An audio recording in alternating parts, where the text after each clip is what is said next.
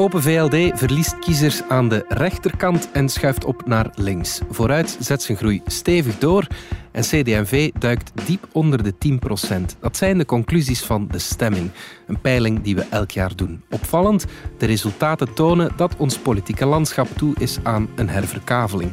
Wat zou zo'n herverkaveling betekenen en is dat wel mogelijk? Het is vrijdag 6 mei.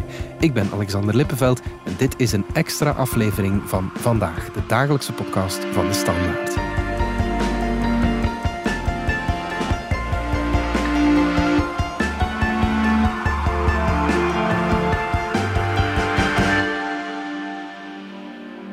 Stefan Walgraven, professor politieke wetenschappen aan de Universiteit van Antwerpen. Goedendag. Zoals elk jaar hebben eh, de Standaard en VRT samen een onderzoek gevoerd. De stemming in samenwerking met de UA en de VUB. Laat ons even kijken naar de resultaten van die peiling. Het voornaamste zijn natuurlijk de percentages die de partijen zouden halen mocht de kiezer nu naar de stembus trekken. Zo zeg ik het goed, eh, denk ik. Hè. Wat zijn de opvallendste trends? Wel, aan de ene kant aan de rechterzijde, N-VA en Vlaams Belang, heb je eigenlijk heel weinig eh, beweging. In vergelijking met vorig jaar is er daar niet zoveel bewogen. Je ziet dat de centrumpartijen, CD&V en VLD, het lastig krijgen. Vooral de achteruitgang van CD&V is toch wel opvallend. Ja, 8,7 procent is het. Ja, ik denk dat dat het laagste is dat gelijk welk onderzoek of peiling ze ooit uh, gezet heeft. Dat is, als je vergelijkt met de 15 procent van 2019, mm -hmm. die achteruitgang was al significant in 2021 en ook in 2020, toen we ook de stemming gedaan hebben. Maar die trend let zich door te zetten. En voor de eerste keer zien we ook een significant verlies van Open VLD. Ja. Dat hadden we de vorige jaar nog niet gezien. Wat je ook ziet is dat de groei van de P van de A, die er ook al was sinds 2019, dat die eigenlijk wel bevestigd wordt. Ja. En dat groen, ondanks alle energieervaringen en uh, kernenergie-saga, gewoon eigenlijk ter plaatse blijft. We zien wat groen betreft, vorig jaar was dat ook niet, twee jaar geleden. We zien eigenlijk dat groen eh, merkwaardig stabiel blijft op ja, dit moment. Ja. En we hebben een nieuwe derde. Dat is vooruit. Ja, vooruit is heel sterk doorgegroeid. En ik zou het niet met zoveel zelfvertrouwen zeggen als we het vorig jaar al niet zagen en het jaar ervoor. Mm-hmm. Dus vaak gaan peilingen een beetje op en een beetje neer. Maar nu zien we echt een trend. Elk jaar zien we die vooruitgang. En dat is niet spectaculair, maar als je dat alles samen optelt van 2019 tot nu, dan zie je toch wel uh, ja, de heropstanding van de traditionele linkse partij in Vlaanderen. Ja, ja, ja, inderdaad. Een tweede lijstje waar stevast naar gekeken wordt, is dat van de populairste politici. Wat zien we daar? We zien eigenlijk uh, wat ik zou willen uh, noemen de grote vier. Mm-hmm. En dat is Bart de Wever, Alexander de Croo, Tom van Grieken en Conor Rousseau. Ja. En vorig jaar was Alexander de Croo, heeft toen gesurfd op een enorme kanseliersbonus. Toen was het ook nog volop corona, was de, was de premier niet van het scherm uh, weg te slagen. Uh, samen met zijn minister van Gezondheid uh, natuurlijk. Ja. En nu zie je eigenlijk dat de ongekronde koning van Vlaanderen, Bart Wever, zijn positie als, ja, als eeuwige ja, leider van die lijstjes ja. opnieuw inneemt. Tom van Grieken is ook bijzonder populair. Mm -hmm. Was dat vorige keer ook al. Wat opvalt bij Tom van Grieken is dat hij vooral populair is bij zijn eigen achterban. Mm -hmm. terwijl bijvoorbeeld iemand als Alexander de Croo is relatief populair bij niet-Open VLD-kiezers. Ja, okay. Uh, als, als, we dat in een analyse stoppen, hè, in een regressieanalyse, dan blijkt zelfs dat de Croo uh, populairder is bij linkse kiezers dan bij rechtse kiezers. Ah ja, okay. Terwijl uh, de laatste keer dat ik nagekeken heb, Open VLD toch een centrumrechtse partij was. En dus dat, heb je, dat is toch een, een, een merkwaardige, een merkwaardige vaststelling. En dan ja, natuurlijk Conor Rousseau, die in 2019 zelfs niet in het peloton zat mm -hmm. en die op dit moment elke keer opnieuw sterke winst heeft geboekt. Dat is toch wel een, echt een politiek fenomeen. Ja, maar het belangrijkste antwoord was wel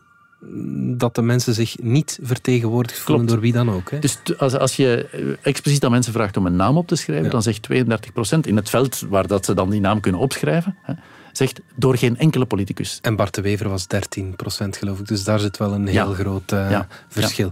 Van welke thema's ligt de kiezer het meest wakker?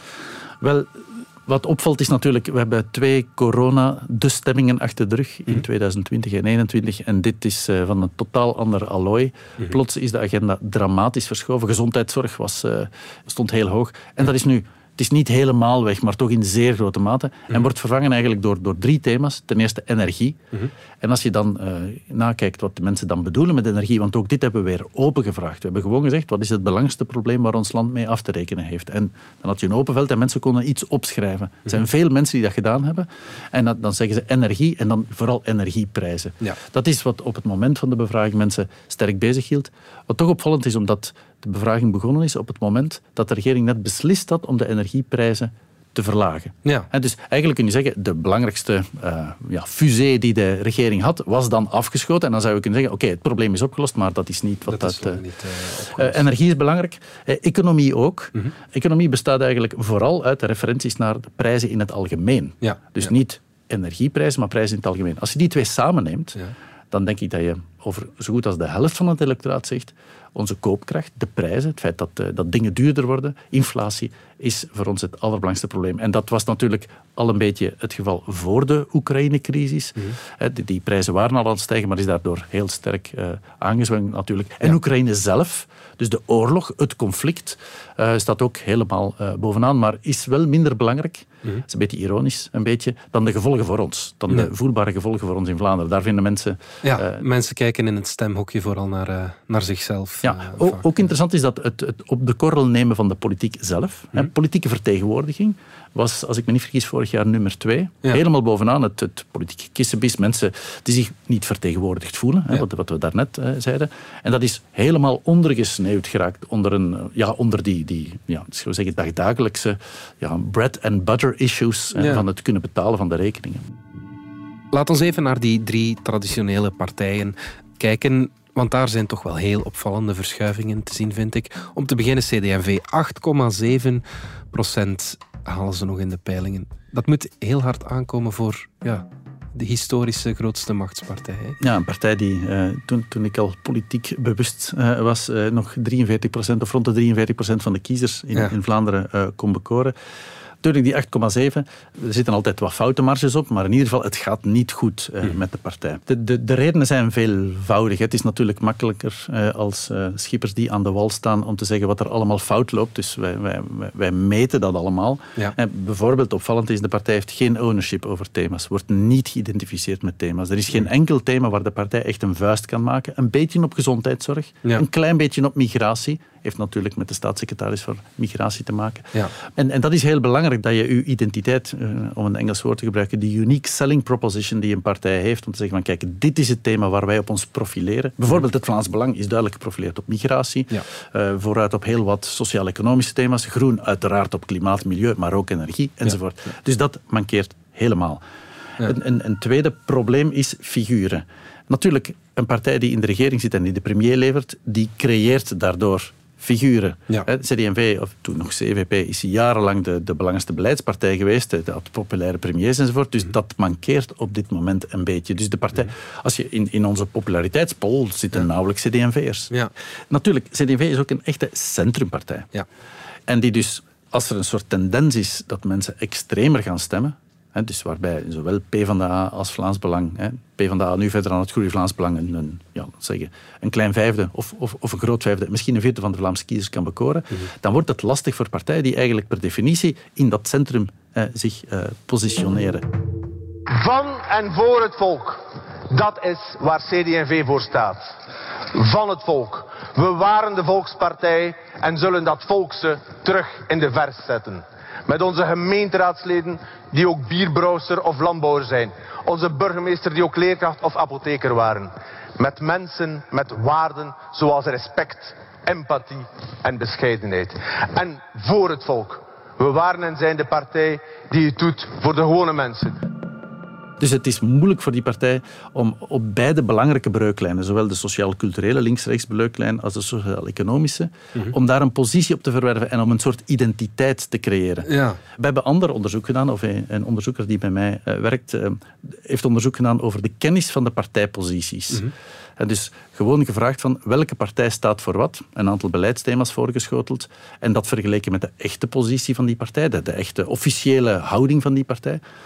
Ja, en het is niet verwonderlijk dat CD&V daar het slechtste uitkomt. In die zin dat mensen het minst weten waar de CD&V voor staat. Terwijl ze voor het Vlaams Belang en van Groen weten ze wel degelijk waar die partij voor staat. Voor CD&V staat misschien voor uh, het compromis En ja, je stemt niet voor het compromis. Je stemt uh, op welke richting het, het, zou moeten uitgaan ja, volgens. Maar vroeger was de CD&V een, een huis met vele kamers en er werd intern een compromis gesloten. En als je dan een partij van 43% bent, dan kun je eigenlijk dat compromis dat je eerst intern tussen de linker en rechtervleugel sluit, ja. ja dat is dan ook waar, waar, je, waar je dan met een andere partij met wie je in de regering zit op uitkomt. Dat is op dit moment niet meer het geval. Dus dat is, dat is een, een, een probleem voor de CD&V, uiteraard. Is er een lichtpuntje voor de partij? Ik denk dat het belangrijkste lichtpuntje eigenlijk niet in ons onderzoek zit, namelijk de heel sterke lokale verankering eh, van de CD&V. Dus je hebt veel populaire burgemeesters die lokaal eh, in 2018 niet zijn weggeblazen. Mhm. Maar de vraag is in welke mate je in staat bent om dat lokale kapitaal eigenlijk te transfereren en daar een nationale stem mee te genereren. Ja. En, en bijvoorbeeld een partij in moeilijkheden. Het zou me helemaal niet verwonderen dat heel veel van die lokale CD&V-burgemeesters in 2024 niet meer onder de CD&V-naam willen opkomen, maar een soort gemeentebelangen, een soort generieke naam gaan kiezen. Dat was in 2018 ook al meer het geval. En, en als dat gebeurt, ja, dan, kun je niet, dan kunnen die burgemeesters je niet uit het moeras trekken, want die hmm. burgemeesters willen eigenlijk niet met het foute label CD&V eh, te maken hebben. Dus dat is, dat is een soort buffer, een soort, ja, ik zou zeggen, de val wordt geremd doordat je toch een aantal figuren hebt. En de vraag is hoe dat die lokale figuren dan nationaal worden uitgespeeld. Want de verkiezing van 24, de nationale, zijn voor de lokale verkiezingen. Ja, juist, ja, tuurlijk. Ja. Open VLD dan, Alexander de Croo was vorig jaar de populairste politicus. Bart de Wever heeft hem opnieuw ontroond, je zei het al.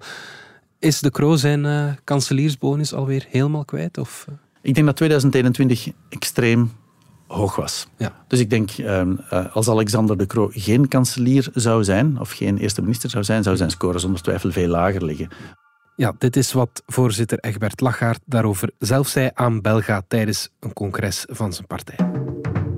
Je moet Alexander de Croo eerst in zijn rol laten zoals het nu ook is. Hij, hij, is premier, hij leidt ons land in bijzonder moeilijke omstandigheden. Nu al in een tweede grote crisis, na de pandemie, een oorlog in Oekraïne, met alle gevolgen van dien ook in ons land. En hij doet dat met brio, hij doet dat fantastisch. En natuurlijk als wij naar verkiezingen zullen gaan, dan zal dat een campagne zijn rond Alexander de Croo, dat is evident. Als een soort van Macron-figuur? hij is een, fact, een, een, een, figuur die, die kan verenigen, die, die ook veel mensen aanspreekt met zijn menselijke taal en zijn empathie, de manier waarop hij leidt. Hij zal onze centrale figuur zijn bij de verkiezingen. Maar we moeten natuurlijk meer doen dan dat. Want een organisatie heeft ook bepaalde waarden van zichzelf. Het liberalisme is echt waardevol. Veel mensen voelen zich daar nog altijd toe aangetrokken. Maar het moet aangepast worden aan de tijdsgeest. En dat is wat de partij moet doen. En dat is mijn taak daarin. Wat opvallend is dat die populariteit van de Croo, die toch nog altijd hoog is, dat die niet overslaat op zijn partij. Dat is al in verschillende media geschreven en dat zien we ook hier nu opnieuw gebeuren. Dus mensen lusten de Croo, vinden dat hij eigenlijk een, een goede job doet, dat hij goed bezig is. Vooral linkse mensen eerder dan rechtse mensen, wat ook opvallend is, dat zei ik daarnet al. Ja. De partij kan daar niet op kapitaliseren. Denk bijvoorbeeld aan internationale veiligheid, aan de oorlog eh, in Oekraïne. Je zou toch verwachten dat de partij van de premier eigenlijk door de visibiliteit rond dat thema, dat die partij daar ook van profiteert. Ja, En dat is helemaal niet het geval. Dus als de mensen denken aan de oorlog, denken ze niet aan de KRO, denken ze niet aan de VLD, maar denken ze aan Vlaams Belang en N-VA. Het onderzoek wijst uit dat ja, de VLD-kiezer eigenlijk eerder niet meer de rechtsliberaal is van zoals dat altijd al geweest is, maar eerder een linksliberale D66-achtige kiezers zoals de partij in Nederland. Ja, dat is, wel een, dat is wel een opvallende verschuiving. De afkalving van de VLD sinds 2019 en nu is het vooral aan de rechterzijde geweest. Ja. En dan vooral naar de NVA toe. Mhm. Wat blijft er over aan VLD-kiezers? Dat zijn linksliberale kiezers. Ja, Die zijn veel linkser, of een heel stuk linkser, dan de kiezer voorheen. En, en dat verschil is significant. Mhm. Dus die, wij, wij, wij, vragen aan kiezers om zich te plaatsen op, op de as van helemaal links naar helemaal rechts. En je ziet dat dat verschoven is bij de VLD. Dus de huidige VLD-kiezers, degenen die zeggen van als het nu verkiezingen zouden zijn, zouden we voor de VLD stemmen, zijn een heel stuk linkser dan degenen die in 2019 voor de CD&V gestemd hebben. Dus je kunt eigenlijk zeggen dat, hoe zal ik zeggen, de, de kleine zelfstandigen, mhm achterban, eh, die de Open VLD had, ja, die zit in grote mate bij de NVA. Ja. Wat heb je dan? Je hebt dan die, die links-liberale, het stedelijke liberalisme. Ja, En, en, dus, en, en je ziet dat niet alleen in de links-rechtsplaatsing, maar je ziet dat bijvoorbeeld ook de huidige VLD-kiezers een standpunt over migratie en, en vooral over klimaat zijn relatief groene kiezers. Ja, de, de, de, mensen die nu voor de VLD stemmen, zijn relatief groene kiezers. Die kunnen eigenlijk met groen uh, perfect uh, door één uh, Het Mechelse model heet het dat Het Mechelse dan. model, helemaal. En, en nog een ander voorbeeld, de huidige VLD-kiezers. Als je vraagt voor wie zou je nog kunnen stemmen, mm -hmm. Wij hadden vroeger altijd gedacht, ja, ze zullen rechtse partijen noemen. Ja. Nee, nee, ze noemen linkse partijen. Ah, ja. Vooruit, ja. Groen, CD&V een beetje. Dat zijn de partijen die voor de huidige VLD-kiezers, buiten de partij waar ze nu voor stemmen, namelijk de VLD, het meest aantrekkelijk is. Dus je ziet duidelijk dat dat een links-liberale partij aan het worden is. De kiezers misschien, maar is de partij zelf ook linkser geworden? Dat is nog iets anders. Ja, dat weten we niet. Hè? Ja. Dus we hebben, ik zou ervan dromen om ook een bevraging te doen bij partijen zelf. elke ja. keer en standpunten over een heel aantal thema's te vragen. Eén keer per jaar en dat bij jullie te komen vertellen. Ja, maar dat, dat, dat kunnen we niet doen. Ik heb de indruk dat bij Open VLD er wel een beetje een mismatch is tussen de, hoe zal ik zeggen, de donkerblauwe uh, liberale partijleiding mm -hmm. en langs de andere kant de eerder links-liberale uh, achterban. Dus dat, daar zit je wel met een beetje een, een, een gevrongen situatie, denk ik. Maar goed, dat is niet aan mij om, uh, om dat probleem op te lossen. Maar mm -hmm. ik, ik, ik denk dat wat we hier zien, dat dat toch op die spanning wijst. Ja, oké. Okay. Ja, goed. Um, vooruit schiet naar omhoog, uh, dat zeiden we al. Ze staan nu op 15,5 procent. Dat is een tijdje geleden voor de socialisten dat ze nog zo'n score gehaald hebben. Ligt het enkel en alleen aan Conor Rousseau? Conor Rousseau heeft er zeker iets mee te maken. Mm -hmm. Niet alleen hij als persoon, maar ook de herpositionering van de partij. Maar daar zeg ik straks nog iets over. Maar je hebt bijvoorbeeld ook de factor Frank van den Broeke. Mm -hmm. En die eigenlijk ja, die terug was en eigenlijk minister van de Gezondheidszorg en Gezondheidsbeleid was. Mm -hmm. Dus daardoor heb je een soort jonge, hippe persoon die past bij jonge mensen. Hè. En langs de andere kant heb je de zeer ernstige staatsman, hè, waar dat je als je op vakantie gaat de sleutels uh, zou aangeven om je hond uh, eten te geven. dus dat, dat heb je. En, en die combinatie van beide. Je bent een betrouwbare beleidspartij, maar je bent hip en jong en er worden uitspraken gedaan en, en je durft te polariseren af en toe. Ja. Die combinatie schijnt het hem te doen. Maar je hebt natuurlijk... De partij heeft zich echt ook inhoudelijk geherpositioneerd. Ja. Of dat is de indruk uh, die wij hebben. Dus sociaal-economisch zijn ze duidelijk links geworden. Ja. Eigenlijk, ze, ze, zijn back to the basics gegaan. Ja. En ze hebben gezegd, kijk, wij zijn de partij van de arbeiders, van de werkers, van de ongelijkheid, van de herverdeling. Mhm. En dat zie je bijvoorbeeld ook uit onze vragen van thema-eigendom. En dat rond al die thema's, rond, uh, uh, rond werk, sociale zekerheid, pensioenen, dat mensen dat ook beginnen te, uh, door te hebben, dat dat de partij is die in ieder geval in zijn communicatie daar het meest op inzet. Dus het is niet echt alleen... Ja, het, het gaat ver voorbij een personencultus. Die Ja. partij slaagt erin, ja. Hè, eh, langzaam, maar zeker, hè, elk jaar een, een, een procent of twee procent erbij, om zich in dat, ja, in dat partijlandschap en met die verschillende breuklijnen, om zich daar eh, te herpositioneren. En misschien ook, toch ook een, gewoon een factor geluk. Ja. Je hebt, je hebt natuurlijk de, door de gezondheidszorg, Mhm. hè, door dan de minister van Gezondheidszorg te hebben, Ja. eh, heb, je, heb je natuurlijk... Ja, Je zou kunnen zeggen, het is goed gespeeld tijdens de regeringsonderhandelingen ja, natuurlijk. maar de energiecrisis en koopkracht, dat heeft niets met goed gespeeld te maken natuurlijk. nee, nee. Eh, Shit happens. Ja, ja, ja. En Het, is, als- het is te zien hoe je die shit aanpakt. Ja, dan. en als je dan als partij kunt zeggen van kijk, wij zijn de partij die je shit kan oplossen en wij zijn er altijd al mee bezig geweest van wij hebben een, wij hebben een historie daarom. Ja, dan heb je... Je begint al te klinken zoals Conor Rousseau.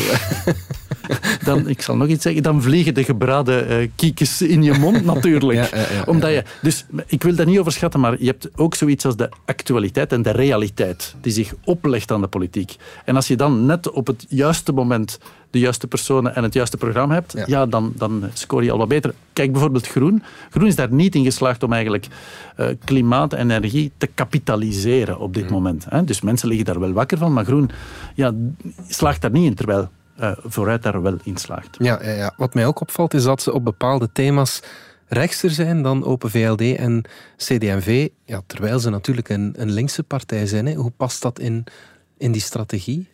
Eigenlijk kun je zeggen dat de, ehm, ons politiek systeem, maar in, je kunt dat ook toepassen op, op andere landen, dat er twee grote dimensies zijn. Je hebt de, de, wat wij de sociaal-economische links-rechts dimensie noemen. Dat gaat over herverdeling. Het gaat eigenlijk over de rol van de staat in de economie. Hè? Dus gelijkheid is daar het, het grote principe.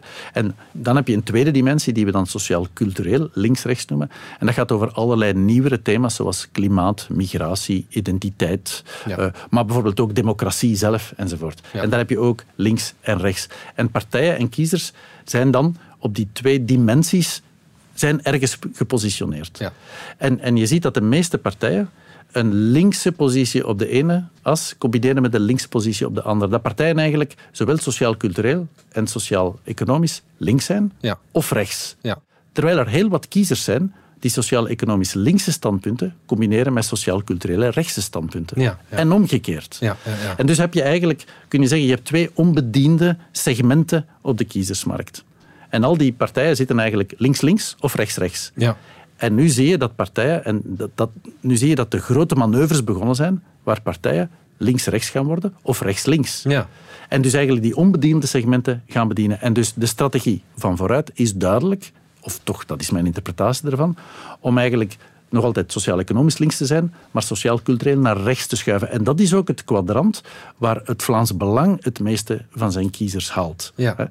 Dat zijn kiezers die tevoren onbediend waren. Ja voor het Vlaams Belang daarna ten derde. En nu zie je ook vooruit zich eigenlijk in die richting bewegen. Maar, maar vooruit wil daar niet te veel aandacht op trekken, omdat zij, ja, hun aantrekkingskracht ligt vooral in het sociaal-economisch linkse. Ja, ja, ja. ja, Maar ze, ik denk dat ze zich voor een stukje dedouaneren door te zeggen, ja, maar sociaal-cultureel, bijvoorbeeld wat migratie betreft, zijn we helemaal niet zo links hoor. Mhm. En je ziet dat ook bij de kiezers. Dat vooruitkiezers dus, uh, wat migratie en ook klimaat betreft, ja, minder links zijn dan je zou denken. Ook die uitspraak over Molenbeek van Conor Rousseau, ja, die zal daarin wel kaderen natuurlijk. Ja, ja. helemaal. Conor Rousseau zei over dat interview in Humo het volgende op Radio 1. De context van het interview is het volgende. Hè. Ehm, de journalist zegt mij, ja, heel veel mensen in Frankrijk, het ging over de Franse verkiezingen, hebben niet meer het gevoel dat ze in Frankrijk leven. Ik zeg, oh, ik heb in Vlaanderen en België best wel het gevoel dat ik in België leef. Ja, tenzij als je soms door Molenbeek rijdt, ja, dan heb je niet dat gevoel. Ja, ik pleit vooral toch Waarom voor een goede... Omdat ik pleit voor? Wel, omdat ik pleit voor een goede sociale mix. Voor een goede sociale mix. En waarom? Als je in bepaalde regio's zit, waar men alleen maar bijna nog Arabisch praat of niet voldoende de taal, de voertaal van de regio, dus daar is dan nu Frans of Nederlands praat, dan stimuleert je kinderen ook niet om die voertaal Nederlands of Frans te leren. Om duidelijk te maken dat het geen partij is dat migratie bijvoorbeeld aan de linkerkant staat. Nu, een partij die aan de winnende kant staat, dus een voorzitter die, uh, weet ik veel, zand in goud verandert, ja. op dat moment kun je je als voorzitter permitteren om je partij in een bepaalde richting te duwen. Want je bent de winnaar. Hè? Je bent de leider die je partij opstuurt. Dat is natuurlijk veel moeilijker als je partij aan het verliezen is. En dus wat Rousseau kan die, ik zou zeggen, die heroriëntatie alleen maar doen omdat zijn partij het goed aan het doen is. In de wedstrijd valt deze dagen regelmatig het woord herverkaveling. Om te beginnen, wat wil dat uh, zeggen in de politiek, die herverkaveling? Herverkaveling wil zeggen dat uh, partijen samensmelten -hmm. uh, of verdwijnen, of dat er nieuwe partijen ontstaan. Nu, over nieuwe partijen spreken we in dit geval niet. Nee, nee, nee. Oké. Okay. Maar hoe zou dat het politieke landschap kunnen veranderen, die herverkaveling vandaag? Wel, ik ik zou wat schroom hebben om daarover te vertellen op basis van uh, één keer de stemming, maar we hebben het nu drie keer achter elkaar gedaan mm. en we zien dezelfde tendensen telkens opnieuw uh, bevestigd en, en, en versterkt. Waar het op lijkt is dat we aan de linkerzijde een, een soort pendant krijgen van de N-VA, dus een grote linkse partij, dat zou dan vooruit zijn, mm -hmm. en een grote rechtse partij, N-VA. Mm -hmm. En je krijgt aan de linkerzijde ook een sterkere, uh, radicaal linkse zweeppartij, PvdA. Ja. PvdA is nog lang niet zo groot als het Vlaams Belang, maar ze groeien wel en het Vlaams Belang blijft op dit moment, hè, be beweegt niet zoveel. Mm -hmm. Dus je krijgt een veel meer, hoe zal ik het zeggen, symmetrisch partijlandschap, mm -hmm. waar je natuurlijk een aantal partijen hebt die gevrongen zitten in dat bipolaire, meer dat bipolaire uh, model. Uh, je hebt Groen. Maar Groen is natuurlijk een links, linkse partij. In die zin sociaal-cultureel links, sociaal-economisch links. Mm. En dat is nogal een beetje een uniek profiel. En die partij heeft ook dat zeer sterke eigenaarschap van milieu en klimaat. Thema's die wellicht niet zullen verdwijnen. Mm -hmm. Dus ik, ik, wellicht kan Groen die, die herverkaveling uh, overleven. Het is problematisch natuurlijk voor de partijen in het centrum, mm -hmm. voor, voor CD&V en Open VLD, die eigenlijk ja, uit elkaar getrokken worden. En waarbij de, lang geleden had je de doorbraak van de NVA heeft tot een herverkaveling op rechts geleid. Mm -hmm. En wat dat je nu ziet gebeuren, is uh, tien jaar later gebeurt het ook aan de linkerzijde. Ja, oké. Okay. Hoe kunnen die twee partijen, daar, uh, Open VLD en CD&V dan, wat, wat, wat kunnen zij daar tegen doen? Ik, ik, denk dat je een onderscheid moet maken tussen deze twee partijen. De problematiek van de Open VLD en de problematiek van de CD&V is een andere. Dat is natuurlijk een heel moeilijke vraag. Mm. Uh, als ik uh, het antwoord wist, dan zou ik mij door de partij laten betalen om hen te adviseren om uh, dit probleem op te lossen. Ik denk voor Open VLD heb je Het D66-scenario, dat denk ik in de sterren geschreven staat. Dat is dan op dat kwadrant rechts sociaal-economisch en links op uh, sociaal-cultureel. Dus ik, ik, denk dat dat het, het, eh, een, uh, op dit moment denk ik een onvermijdelijke scenario is. Voor CD&V ligt het moeilijker. Want je zou verwachten dat een christendemocratische partij die opnieuw zoekt aantrek te vinden, dat die vervelt tot een conservatieve partij. Mhm. Maar die hebben we al. Ja, ja, ja. En bovendien heb je natuurlijk, je kunt als partij wel proberen je te herpositioneren, maar je moet ook rekening houden met je achterban. Mhm. Met je achterban bedoel ik niet alleen de kiezers, maar vooral de politici van je partij. Mhm. Dus je kunt niet zeggen, er zit een gat op de markt eh, links of rechts of, of boven of onder. Ja. Je, je, je, je kan daar niet zomaar naartoe gaan. Nee, naar politici uh, zijn in de politiek, hè, dat, daar geloof ik hard in, en dat zeggen politici zelf ook, omwille van een, een soort ideaalbeeld van hoe de wereld er zou moeten uitzien. Politici zijn ideologen, en een proper woord daarvoor is idealisten. Ja. En dus als je in de politiek bent en je bent een rechtsliberaal mhm. en jouw partij wil naar links, ja goed, daar ben je als verkozen in het parlement helemaal niet zo blij mee. Want mm. jij, jij, wilt, ja, jij wilt dat je partij met jou samenvalt. Dus het is heel moeilijk voor partijen om je eigenlijk ideologisch te herpositioneren. Ja. En dat moet wellicht wel gebeuren, in zekere mate. Wat er zal gebeuren is dat, dat misschien partijen gewoon zullen verdwijnen. En ik zou zeggen, kartelvorming krijg je alleen wanneer je met twee of met drie in de miserie zit. En dan zou je kunnen zeggen, oké, okay, moeten CD&V en Open VLD dan geen kartel vormen? Uh, dan denk ik dat die misschien die conservatievere positionering van de CD&V en die toch meer progressieve, linksliberale positionering van de Open VLD eigenlijk niet goed matcht. Ik, ben bijna geneigd te zeggen dat het stedelijke liberalisme, het Mechels model, we hebben daar al eerder over gesproken, beter matcht met groen eh, dan, dan bij CD&V. Dus om eerlijk te zijn, ik zie die herverkaveling vanuit de partijen niet gebeuren. Maar de kiezer is uiteraard de kaarten aan het herschudden. Ja, ja, ja absoluut. Goed. Stefan Walgraven, dankjewel. Met plezier. Dit was Vandaag, de dagelijkse podcast van De Standaard. Bedankt voor het luisteren. Download onze app DS Podcast of volg ons op Spotify, Apple Podcast of eender welk ander podcastplatform. Alle credits van de podcast die je net hoorde vind je op standaard.be-podcast. Reageren kan via podcast.standaard.be. Maandag zijn we opnieuw.